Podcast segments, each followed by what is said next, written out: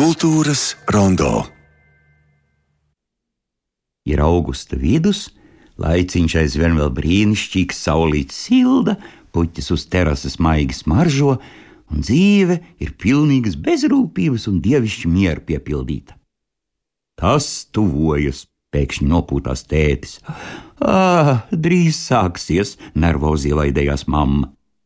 Vai atkal covid? Šūpojoties šūpuļtīklā, klausoties putnu čivināšanā un dzerot ledus tēju, vienaldzīgi apjautājos un tad dabūju dzirdēt visu, ko nemaz nebiju gatavs uzklausīt saulainā skolas brīvlaika dienā. Kā kas? 1. septembris! Akal tas šausmas! No rīta nevar jūs pamodināt, vakarā nevar aizdzīt gulēt, pa dienu viss ir jāvadā, visu laiku kaut kas jāpērk. Mamma jau sāk manām uzvilkties. Neaizmirsti mājas darbus un visus tos projektus, instalācijas un prezentācijas, Katru brīvu brīdi kaut kas jāzīmē, jālīmē vai jārēķina. Ai, cauri ir ar maniem brīvajiem vakariem, sāpēs saviebjot seju, piebalsoja tētis, un solfēģo. Turpināja mamma. Skolas forma, baltais krekls, acu ārsts, gripas, potes, sporta tērps, melnās kurves. Oh, ak, Dievs! Viņa pēkšņi iekļiedzās. Tev droši vien atkal visas drēbes par mazu. Relaksēta atmosfēra bija neglābjami izsabojāta. 1. septembra trakuma palaišanas poga bija nostrādājusi. Velc mugurā, jāpaskatās, vai tu vēl vari ielīsties melnajās biksēs. Jau pēc īsa brīža abām rokām turēdam pakarmos ar apģērbiem, komandēja mamma, nervozas iedvesmas pārņemta. Man šajā karstumā nu bija jāmēģina iespīlēties šaurajās un nērtajās drēbēs mērīja balto kreklu, bikses, skolas vesti, kurpes, sporta apaus, īso sporta tērpu, garo sporta tērpu, ziemas mēteli, apakšbiks, slēpošanas kostīms, lolam zābaks un slīdes. Pilnīgi viss bija par mazu, par šauru, un neganti spieda. Tobrīd domāju, ka drēbi mērīšana ir pati nelaimīgākā stunda manā vasaras brīvlaikā. Vienkārši bija piemirsis, ka tai neizbēgami sekos pilna apjoma, nelaimīgākā vasaras diena. Tā bija iepirkšanās diena drēbju veikalā. Jā, burvīgs Edmunds Freibergs un uh, burvīgs uh, stāsta fragments, ko svētdien varēs klausīties jau pilnā apjomā, vismaz pirmo daļu, bet uh, šeit studijā ir um, šīs grāmatas autori Ilzas Krastiņa, labdien! Labrīt, labdien! Un Latvijas radioteātra mm, redaktore Dzintra Matuzāla, labdien! Labdien! Jūs ar Ilzi Krastiņu jau esat radioteātris pazīstami, jā? Ja? Esam gan pazīstami. Šī jau ir otrā grāmata, ko mēs ierakstām teātrī. Nu, šifrēsim taču otru grāmatu, jo tas pats nosaukums, jautājums un atbilde. Nu, cik skaista atbilde. Normāli. Nu, kā iet pēc ko normāli? Jūs jāatklāj, ka jūs jau aizkadrā drusciņi eh, mums uzzīmējāt to, ka šī grāmata ir arī no savas dzīves, tomēr tāds liels zīmējums, gan zīmējums, gan teksts. Izstāstiet to vēsturi, nu, kāpēc radās tāda vajadzība savus dzīves noslēpumus likt visiem uz paplātes un šķīvju. Jā, šī grāmata ir otrā grāmata. Uh, pirmā grāmata radās kā ģimenes tāds arhīvs, kur es biju publicējusi, nevis publicējusi, bet sarakstījusi stāstījumus, vienkārši pierakstījusi no savu bērnu dzīves. Pārsvarā no savu dēlu dzīves, kas bija tiešām īsti notikumi, ko man bija žēl aizmirst, un es biju pierakstījusi savā kladītē. Un tad bija tāds laimīgs gadījums caur paziņu, tagad jau kas man ir kļuvis par labu draugu, Māra Lazdāne, izdevniecība idejā, kas, kas izdod žurnālus bērniem, piedāvāja publicēt šos stāstīņus. Un tā tas uh, aizveda līdz grāmatai. Uh, pirmā grāmata iznāca Covid laikā, tāpēc saucās Lieliskā dzīve bez zūmu, un tur ir arī stāstīņi no, no, no skolas dzīves, kas arī mums pagājušajā gadā gāja radioteātrī. Un um, otrā grāmata, kā iet pa skolu normāli, tā ir tiešām par skolas dzīvi, par skolas gaitām, par to, kas notiek Latvijas skolās ar Latvijas bērniem, visi mūsu pasākumi, teitu dienas, un māmiņu dienas, un lieldienas, un Halovīni, un, un visi svētki, eh, sporta pasākumi, visi, kas notiek skolā.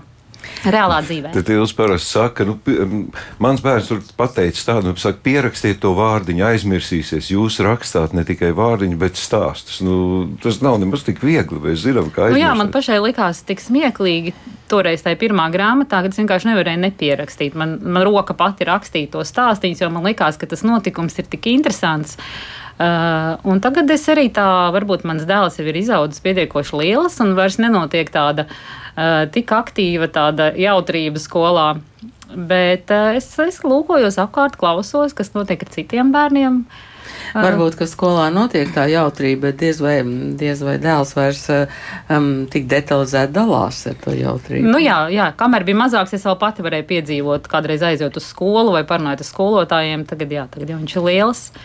Bet, eh, jā, Nu, ir kaut kāda fantāzija, jā, taču klāt. Nu, nevar protams, būt, nu, protams ir, ir mazliet paspildināts. Jā, lai, Tā jau faktiski arī jūsu pieredze tur ir iekšā. jā, arī mana pieredze. Arī atklājat savus noslēpumus no skolas gaitām. Uh, man liekas, ka īsti nē. Tomēr mūsu skola, kad es gāju skolā, bija stipri atšķirīga. Bet varbūt kaut kas ir, jo man ir uh, četri bērni, man ir divas lielas meitas. Uh, arī grāmatā viņas ir vārdi mazliet mainīti. Uh, Miks ir saglabājis savu vārdu. Pāriem bērniem ir vārdi mainīti. Ka jūs nedabūjat kādreiz atpakaļ. Teiks, kā tu varēji man Jā, es šito- tieši tā arī dabūju. Jā, Jā, jā, jā, bija. bija. Jā, Miks Jā. nav ļoti priecīgs. Jā, viņš vienmēr saka, nesaisti to ar mani. un, un grāmatā ir arī daži viņa draugi, kuriem arī vārdi ir saglabāti. Uh, viņi tiešām arī tādi ir. un, un šiem bērniem es arī viņu vecākiem vienmēr grāmatas iedodu kā autoru. Uh, autoriem arī, kas Kā piedalās. prototipiem, Jā, jā. kā prototipiem. Zintra, kā jūs uh, sadraudzējāties ar Ilzas Krastīņu un uh, viņas darbiem? Nu, bija tā, ka pirmo reizi es grāmatas fragment izdzirdēju par radio. Tieši tā. Un tad sazinājāmies ar Ilzu Krastiņu. Viņa mums atsūtīja savu grāmatu, lai nu mēs izlasām pilnībā. Tad Mikiņam bija tikai astoņi gadi. Mēs viņu saucām par Mikiņu.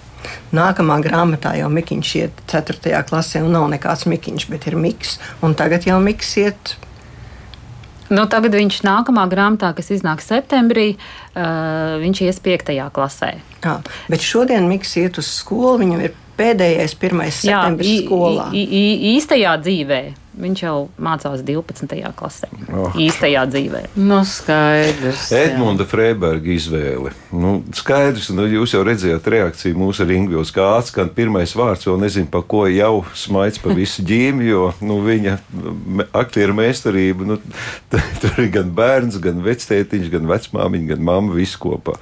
Nu, kā Edmunds prot saglabāt bērnu sevi arī šajos gados, un tas ir svarīgi. Jo klausoties Edmundā, man liekas, mēs visi atceramies sevi. Mēs šos stāstīņus izlaižam caur sevi. Jā, un uh, piedāvām vēl Edmunds Freibergs ir jubilārs. Tieši tā, šogad, jā. Šogad, šogad Edmunds Freibergs ir, ir jubilārs, tātad um, kā mēs varēsim klausīties uh, divas svētdienas, ja? Jā, ir tā, ka 3. un 10. septembrī skanēs grāmatas, kā iet pa skolu normāli. Nu, puse no grāmatas izskanēs, bet mums ir ierakstīta visa grāmata. Bet nākamos stāstus mēs pataupīsim nu, kaut kad mazliet vēlāk, tad, kad sāksies tas Ziemassvētku laiks un Helovīns un, un tā. Bet šo mēnesi skanēs no pirmās grāmatas, no Lieliskās dzīves bez zuma, Elzas stāsti. Es saprotu, ka Ilzai var būt grūti objektīvi skatīties uz savu darbu, jo tā ir, nu, tas ir jūsu, un tad vienmēr tas ir ļoti personīgi. Dzintra, nu, klausoties tagad, es arī pat šo fragment mazo bērnu literatūru. Pēc grāmatas varētu domāt, ka bērniem ir lieli burti, smukas bildes, bet eh, nu, pieaugušie klausās, Nu, es domāju- pazīstot katru noti šajā. Jā, es domāju, ka pirmām kārtām tā ir grāmata mamām, tētiem, vecmāmām un vectētiņiem. Noteikti. Jā, es zinu, ka pieaugušie Jā, smējās jā. vairāk. Nu, kur Jā, tad, kur tad ļoti- bērns paliek šajā jo- visā stāstā? Tas viņiem tā kā Nu, pats bērns, es domāju, parasti uh, lasītājs asociē sevi ar kādu tēlu. Man liekas, ka šeit ļoti labi var asociēt tomēr ar Miku, jo viņš it kā personīgi grāk pieraksta šo visu stāstu. Tā ir tā kā viņa pieredze, tā kā viņa skatījums. Nu, var kā- arī asociēt ar mammu, kura mēģina pielaikot visas drēbes, kuras ir par mazu, piemēram. Nu, es domāju, visi tie stāstīņi ir ļoti uh, tādi, kas notiek katrā ģimenē. Tur, piemēram, ir nākamais stāstījums, man liekas, par bankas karti. Tieši tas, nu, tas vecums, kad bērniem vajag to savu karti, to savu bankas kontu. Nu, es zinu, ka tas tiešām ir ļoti aktuāli tādā 3. un 4. klasē, ka visi, nu, apmēram visi stāsti ir tā, par to, kas notiek katrā ģimenē. Nu, man tā šķiet, un, un, un cik es esmu runājusi, arī tas ir tā aktuāls tēmas. Man piedodiet, ka es varbūt salīdzinu, nezinu, kā, kā jūs to skatīsieties. Es atminos savus bērnu gaitas un lasīšanu. Man bija zentērgli tāds ļoti nozīmīgs vārds un viņas darbi. Un tas bija tāds nu, realisms, mēs varētu teikt. Un šis ir tas pats, kā tāda, mm, tas temats, kas der pieaugušajiem, bet bērns lasa un uzzina tādus nu, atklātības eh, momentus no pieaugušo skatu punktu. Šis varētu būt tāds tā kā bērniem drusciņi aizliegtais auglis, kas var piesaistīt uzmanību. Nu, es domāju, vairāk. Uh Es domāju, vairāk, ka, ka lasot šo stāstus, bērnam ir jāsaprot, ka tas, kas notiek, tā nav nekāda nelaime. Ka tas ir, ka uz to var paskatīties ar tādu humoru un, ar, un, un kā varbūt kā joku. Jo tur jau ir no bērna uh, skatu punkta diezgan traģiskas lietas kādreiz. Ja? Nu, tur tev kaut kas neizdodas, tev tur varbūt kaut ko to sajauc, vai tev tur uh, kāds kaut ko tur varbūt pasmējās. Ja? Varbūt uh, tur bija šī grāmatā, kā viņš nejauši uh, sapūtā salaistījās ar smaržām māsas un, un aizgāja uz skolu un smaržoja kā tāda rožu dobe. Un, un, nu, tā, kā, tā doma bija, ka šie stāstiņi parāda, ka viss, kas notiek ar tevi, var notikt arī ar citiem, un tā nav bezgalīga nelaime, un uz to var pastīties ar humoru. Tā kā ar atvieglojumu, paldies Dievam, Jā, es neesmu vienīgais. Tu neesi vienīgais, ka tā ar tevīm kaut kas notiek, jo bērniem bieži liekas akal, akal ar manīm, atkal tikai es nabadzīņš, tikai man neizdodas. Ja? Nu, šeit ir tā, ka tu neesi vienīgais. Kā stāstā špikošana? Māsa saka tā. Ja tu nemāki špikot, nešpiko. Un tas arī no dzīves. Jā. Šis tiešām bija no dzīves. Normāli, arī, kad no nu, pareiz, nodod, jā. nodod darbu ar visu špikeri kopā, jā, tas tiešām tas ir no dzīves. Uh, īsts mm. notikums, un, un tā var gadīties. Jā, un, nu, nu, tas, tas nav pasaules gals. Jā, ir, ir citas lietas, par ko uztraukties. Bet lasot, eh, tagad, kad Edmunds Freibergs to lasa, tur, tur vispār bija jāiejaucās, vai jūs pilnībā uzticējāt meistaram viņa interpretāciju? Tieši tā kā Edmunds to dzirdēja, kā viņš to pasniedz mums, tā arī palika. Ne cik radioteātrim viegli. Atcauc ģeniāli cilvēku un Jā. jānogriež un sākums. Un scenogrāfiju vai ne, un tērpus un grimmus. Un tā rodas pati no sevis. Jau. Jā. Jā. Grāmatas autori Ilzas Krastiņa, jūs esat animatori.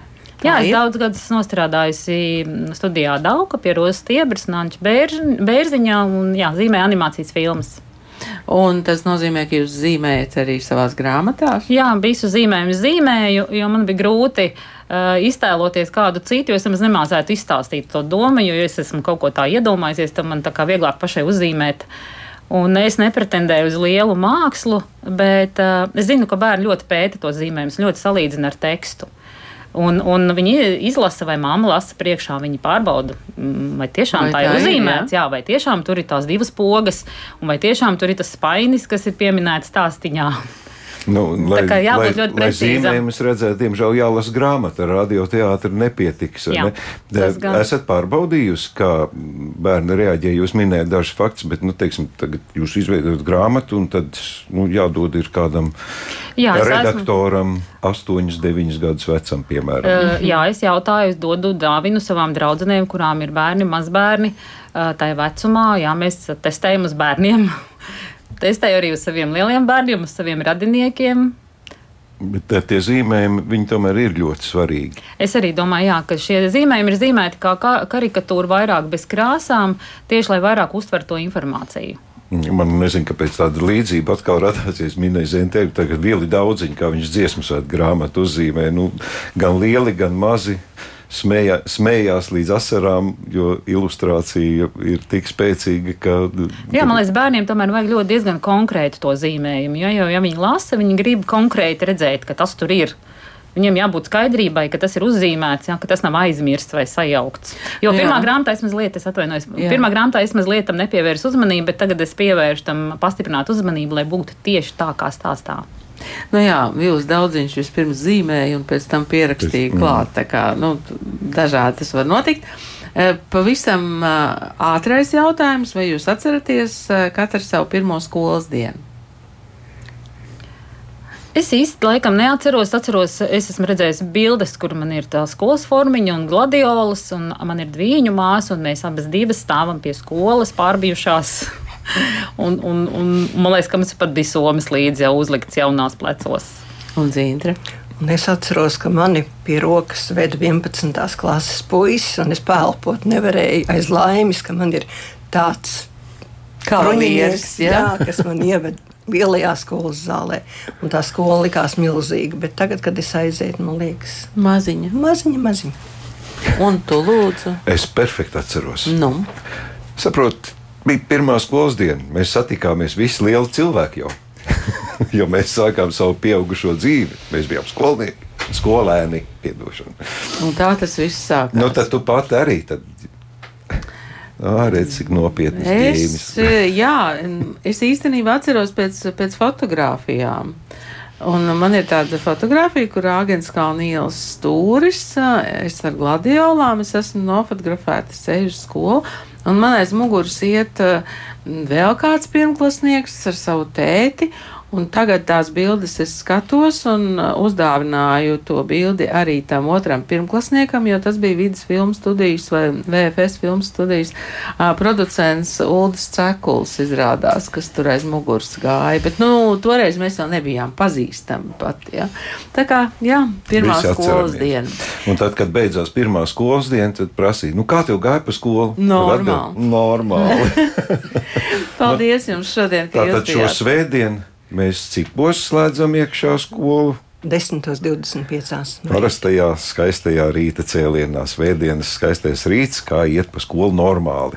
Un paldies jums par šo ziedoto laiku. Paldies es ceru, ka mēs arī. jums neatņēmām kādu Nē, pirmo neko. stundu skolā. Jā, Dīna Matuzāle un um, Ilzas Krastiņa bija šeit studijā.